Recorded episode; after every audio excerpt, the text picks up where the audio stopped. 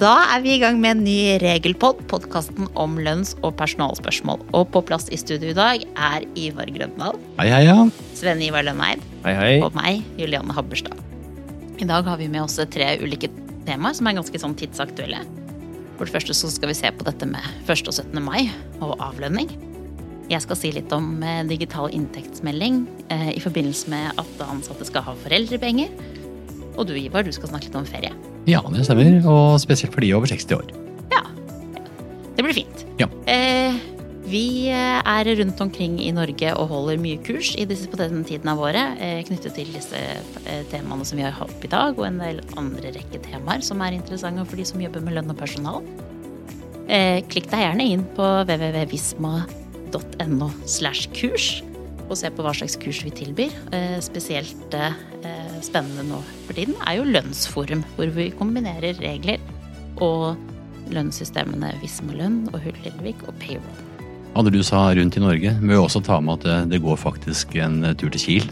Eh, Lønnsforum til Kiel. Ja, det er en fin, eh, en fin anledning til å lære seg både regler og system, og det er jo mye, mange muligheter der til å snakke med oss kurslederne i forhold til konkrete problemstillinger man har. Ja, og da satser vi på fint vær. Det gjør vi. Eh, hvis du liker denne regelpodden som du hører nå, så blir vi kjempeglad hvis du trykker på følger. Eh, da får du også varsel neste gang vi legger ut en, en ny podkast. Da setter vi i gang med det faglige. Skal vi gjøre det? Det gjør vi. Ja. Ja, da sier vi damene først. Takk, takk. Eh, Det er jo sånn at eh, i Norge så fødes jo de aller fleste barna på vårparten. Og det betyr jo at arbeidsgivere de har litt å gjøre eh, i forbindelse med å sende inn inntektsopplysninger til Nav. For det er sånn at eh, når en arbeidstaker får barn, så har man i mange tilfeller krav på en ytelse fra folketrygden som heter foreldrepenger. Mm. Foreldrepenger det er det jo i utgangspunktet Nav som finansierer helt og holdent, men for at de skal klare å beregne det riktig, så trenger de opplysninger fra arbeidsgiver. Eh, De beregnes jo på samme måte som sykepenger, eh, og kanskje ikke unaturlig da heller, så er det jo et digitalt inntektsmelding som skal sendes. Og arbeidsgivere de skal sende disse inntektsopplysningene til Nav snarest mulig, men ikke eh, tidligere enn fire uker før foreldrepengeuttaket starter.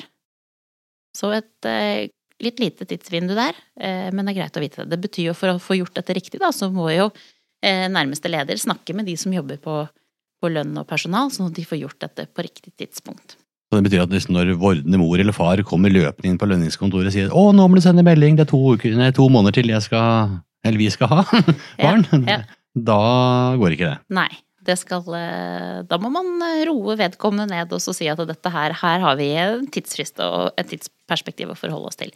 Det er jo ikke så rart, egentlig, for dette er jo, lønnsopplysninger er jo ferskvare, og det har det jo kanskje også blitt enda mer etter at de nye beregningsreglene trådte i kraft fra 1. januar. Høres fornuftig ut. Eh, Når man sender inn denne inntektsmeldingen og sier at det gjelder foreldrepenger, så vil det jo dukke opp en, litt andre felt enn ved sykepenger. Og det skjer automatisk, eh, både inne i Altinn og også i Visma lønn og i Hullelvik, hvis man sender det derfra. Det hender jo at eh, den forelderen som eh, ikke starter foreldrepengeuttaket, ofte far, da, eh, ønsker å eh, ikke ha sin foreldrepermisjon akkurat start, vil ikke starte akkurat dagen etter at mor er ferdig.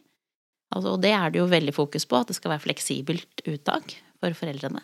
Vi liksom gjennom eh, elgjakta før man starter permisjon. Ja, ikke sant. eh, og da er det sånn at eh, eh, foreldre har jo stor mulighet til å både ta ut foreldrepermisjon og foreldrepenger delvis, og jobbe litt og ta ut litt foreldrepenger, og man kan også i perioder eh, jobbe helt, og så ha perioder med foreldrepenger, og så jobbe helt igjen, og så veksle litt på, rett og slett. Tidligere så eller det er jo fortsatt eh, den form for uttak, da, gradert eller oppstykket, baserer seg jo på en avtale med arbeidsgiver. Eh, Men tidligere så har det jo vært et skjema som man har sendt, fylt ut sammen og sendt inn til Nav. Det skjemaet er jo blitt borte. Så nå skal jo arbeidstaker selv gi opplysninger om når man skal ha gradert, og når man skal ha utsatt uttak eller ferie. Og så skal jo arbeidsgiver gi eh, tilsvarende informasjon på den digitale inntektsmeldingen. Du, da, da kom jeg på noe her. Eh, Hvis du har en som har et gradert uttak, så ønsker man å endre det eh, uttaket. Punkt én, er det mulig? Og punkt to, er det noe arbeidsgiver må gjøre da? Ja, endring av uttak er mulig. Eh, og det baserer seg jo på at arbeidsgiver og arbeidstaker har blitt enige om det. Ikke sant? Det er jo en avtale som Mm. skal ligge i bånn, så det er ikke noe arbeidstaker kan gjøre på egen hånd. Men eh, det er mulig, og da må arbeidstaker sende inn eh, opplysninger om dette til Nav. Og som arbeidsgiver sende inn en ny inntektsmelding, hvor man bekrefter da dette endrede uttaksmodellen, hvis vi kan kalle det det. Mm. Det samme gjelder jo hvis den ansatte kommer på at nå ønsker jeg å ta ferie mens jeg har en foreldrepengeperiode. Da må man jo arbeide, altså den som sitter og rapporterer inn, sånn, må jo da sende inn en ny inntektsmelding og bekrefte de opplysningene om ferieuttak. Litt mer jobb for arbeidsgivere, har jeg skjønt nå. Ja, det er i hvert fall en annen, eh, en annen flyt da, i informasjonen, og det fordrer nok også at man får en bedre kommunikasjon mellom de som har eh, personalansvaret for disse personene, og de som sitter og rapporterer inn eh, de digitale inntektsmeldingene. Ja, Det var nyttig. det var eh, tenker jeg viktig å vite at her er det forskjeller fra i fjor, når man skal jobbe med dette. Absolutt. Men vi er jo i mai. 1. mai har allerede gått, men vi nærmer oss 17. Det er det. Herlig tid. Um, jeg tenker vi kunne si litt om altså dette med betaling og høytidsdager og helligdager. Ja. Generelt først. Hvordan er det? Det får vi jo mye spørsmål om på, på vår supporttjeneste hvert eneste år.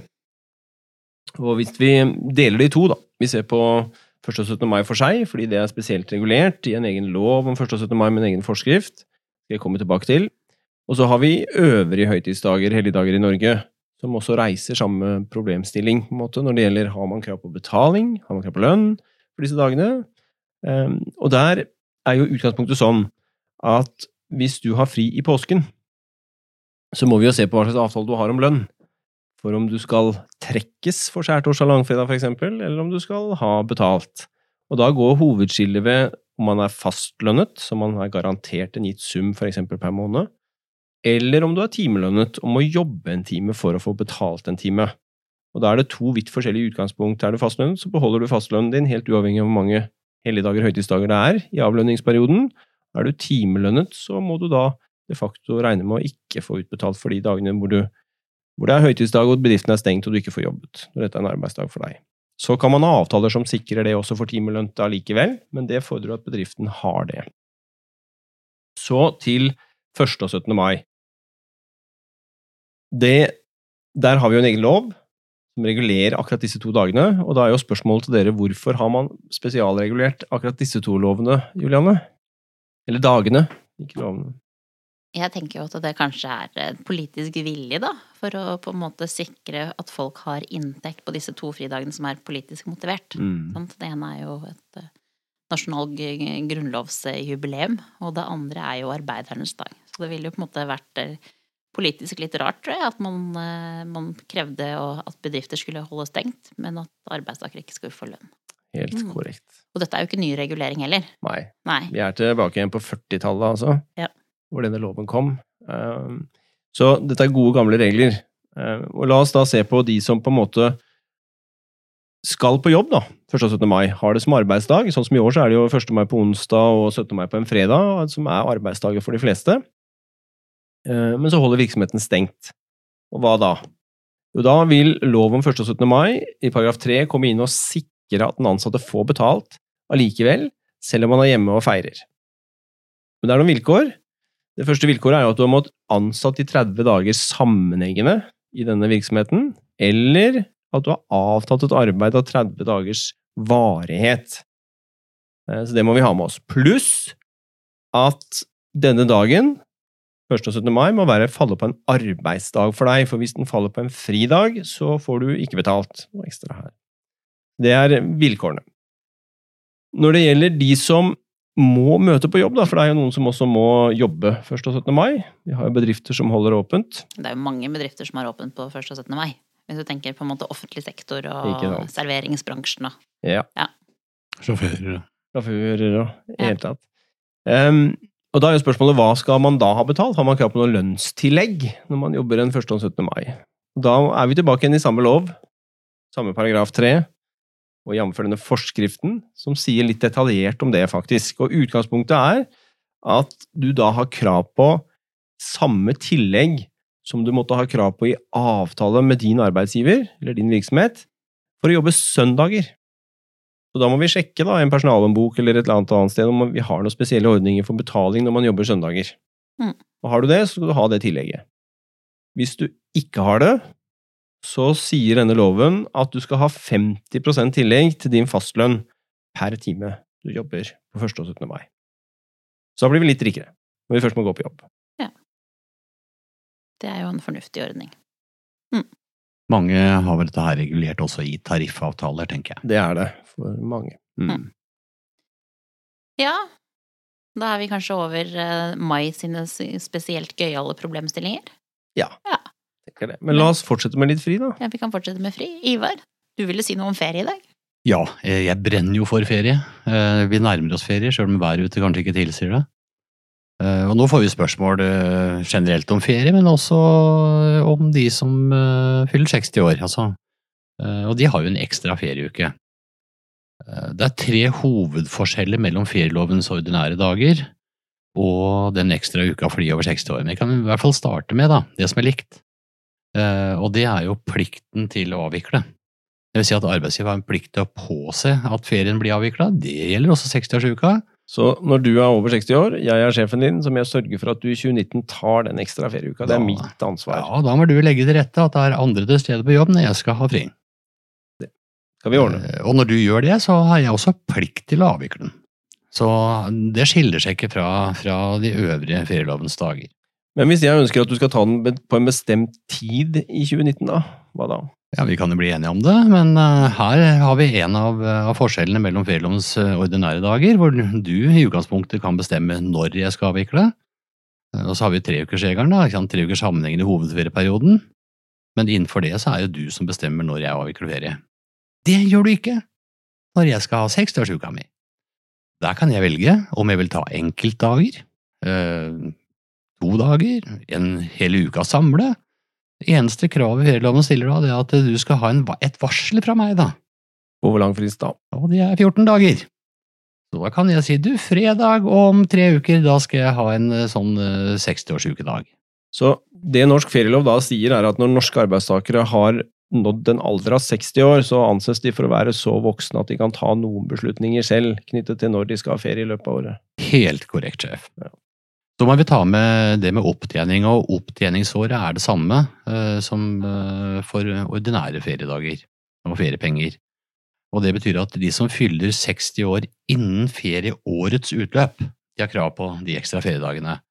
Og det betyr at opptjeningsåret er året før, altså det året de fyller 59. Bare sånn man er klar over det. Eh, Så er det eh, Ja, hva var det siste punktet vi skulle ha med? Får du noe mer feriepenger? er Har du 60 år? feriepenger? Ja, det var akkurat det, ja. Eh, Og da er det jo 2,3% lovhjemla at vi skal ha. Men så sier også ferieloven at eh, det er ingen begrensninger på ordinære 10,2% i ferieloven. Men jeg som arbeidstaker kan ikke kreve mer enn seks ganger grunnbeløp, altså gjeldende grunnbeløp, når jeg skal ha de 2,3 prosentene. Så kan jo du være veldig snill som min arbeidsgiver, kjære sjef. Det er jo Ja, ikke sant? Og at eh, man ikke har begrensninger på 6G. Men jeg kan altså ikke kreve mer. Eh, og det er altså for forskjell nummer to. Den tredje forskjellen i forhold til eh, de vanlige feriedagene, det er skatteplikten. Det vil si, alle feriepenger er jo skattepliktig, men ordinære feriepenger inntil 12,3 eh, det vil si ferieloven pluss man har gjerne noe avtalefeste, eh, det er trekkfritt når det utbetales i ferieåret. De 2,3 prosentene ekstra feriepenger fordi jeg er heldig og blitt over 60 år, eh, de er altså alltid trekkpliktige. Så litt sånn oppsummert, da, de tre hovedforskjellene i ferielovens øvrige vanlige dager og ordinære dager og, og de 2,3 prosentene og ekstrauka, uka, det er seks gang grunnbeløp, det er jeg bestemmer sjøl, og det er trekkpliktig. Det er de tre forskjellene. Ellers så gjelder ferieloven helt likt både for det ordinære ferien og feriepengene og for de over 60 år. Nå har vi jo snakket mye fri og hva slags lønn man skal få og sånn. Vi har snakket litt om skatt i dag, egentlig. Men sånn blir det ikke på neste podkast. Nei, det skal jeg love dere nå. Så neste podkast, litt usikker på om det blir 16. mai, Nei, Vi får nå se. om ca. 14 dager. Om ca. 14 dager. Eh, nå har jo Skattedirektoratet kommet med en veiledning som gjelder eh, naturalytelsesreglene som ble endret fra 1.1. Og da begynner vi på det med personalrabatter, eh, bonuspoeng, gaver osv. Det er ganske omfattende. Vi har begynt å, å, å lese gjennom. Ser fortsatt at det er noen punkter som eh, ikke er besvart. De har lagd en veiledning, og så har de lagd en egen side med spørsmål og svar. Så vi har nå, tenkte vi, en eh, uke, halvannen på oss til å få lest godt gjennom. Tatt kontakt med Skattedirektoratet i forhold til noen ting de fortsatt ikke mener er avklart. Og så tar vi en ordentlig runde på, eh, på det på neste podkast. Da håper vi jo at dere husker på å trykke 'følg oss', så får dere varsel om når denne spennende podkasten om naturalytelser kommer, eller om du bare er generelt interessert i lønns- og personalspørsmål. Vi har sikkert et eh, lite punkt om personal neste runde også. Helt sikkert. Takk for oss, da. Takk for i dag. Takk for nå.